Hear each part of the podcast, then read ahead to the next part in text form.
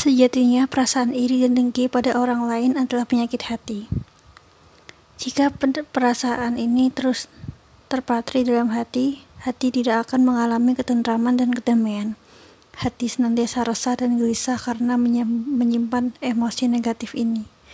Tapi ternyata ada dua manusia yang boleh kita sikapi dengan rasa ini. Siapakah keduanya?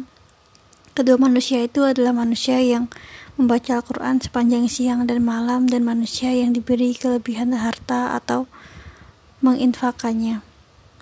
Lalu menginfakannya. Hal tersebut berdasarkan hadis Nabi yang berbunyi yang artinya dari Abdullah bin Umar radhiyallahu anhum Berkata Rasulullah SAW bersabda, tidaklah boleh iri kecuali pada dua orang ini. Keduanya adalah orang yang dianugerahi harta, sedangkan ia menginfakannya sepanjang siang dan malam.